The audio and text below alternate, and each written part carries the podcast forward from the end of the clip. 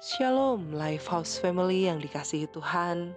Saat ini saya akan membagikan sebuah renungan dengan judul Melatih Diri Beribadah.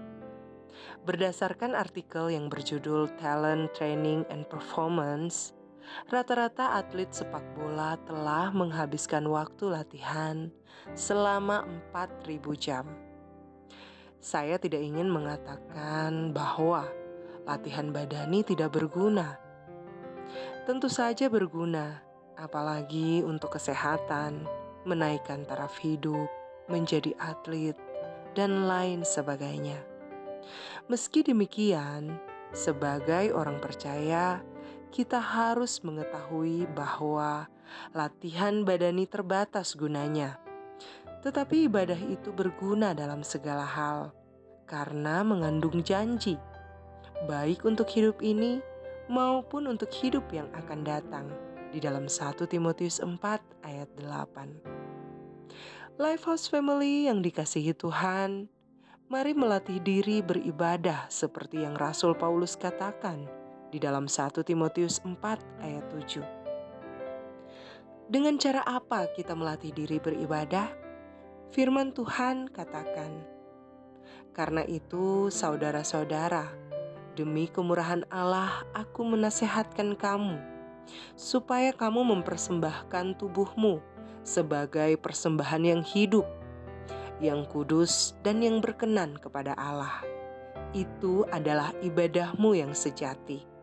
Janganlah kamu menjadi serupa dengan dunia ini, tetapi berubahlah oleh pembaharuan budimu, sehingga kamu dapat membedakan manakah kehendak Allah apa yang baik, yang berkenan kepada Allah, dan yang sempurna di dalam Roma 12 ayat 1 dan 2. Lifehouse Family yang dikasihi Tuhan, mari melatih diri beribadah dengan cara mempersembahkan seluruh hidup kita kepada Tuhan dan merubah diri kita dari hari ke hari. Dari cara hidup yang salah sia-sia, serupa dunia, menjadi berkualitas, bermanfaat bagi sesama, dan menjadi serupa seperti Kristus. Dari pemarah, pemalas, pembohong, sombong, dan sebagainya, menjadi lebih ramah, semangat, jujur, rendah hati, dan lain sebagainya.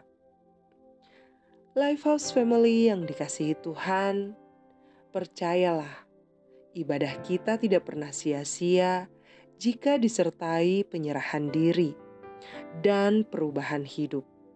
Bahkan, kita tidak akan rugi atau kehilangan apa pun ketika menyerahkan diri kita kepada Tuhan dan merubah diri kita dari hari ke hari. Justru kita dilayakan untuk menerima janji Tuhan. Saat ini, dan juga nanti. Di akhir renungan ini, saya ingin mendorong kita semua untuk melatih diri beribadah. Percayalah, ibadah itu kalau disertai rasa cukup memberi keuntungan besar. Di dalam 1 Timotius 6 ayat 6.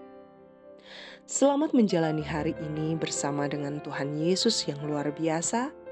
Tetap semangat dan setia beribadah. Tuhan Yesus mengasihi kita semua. Shalom.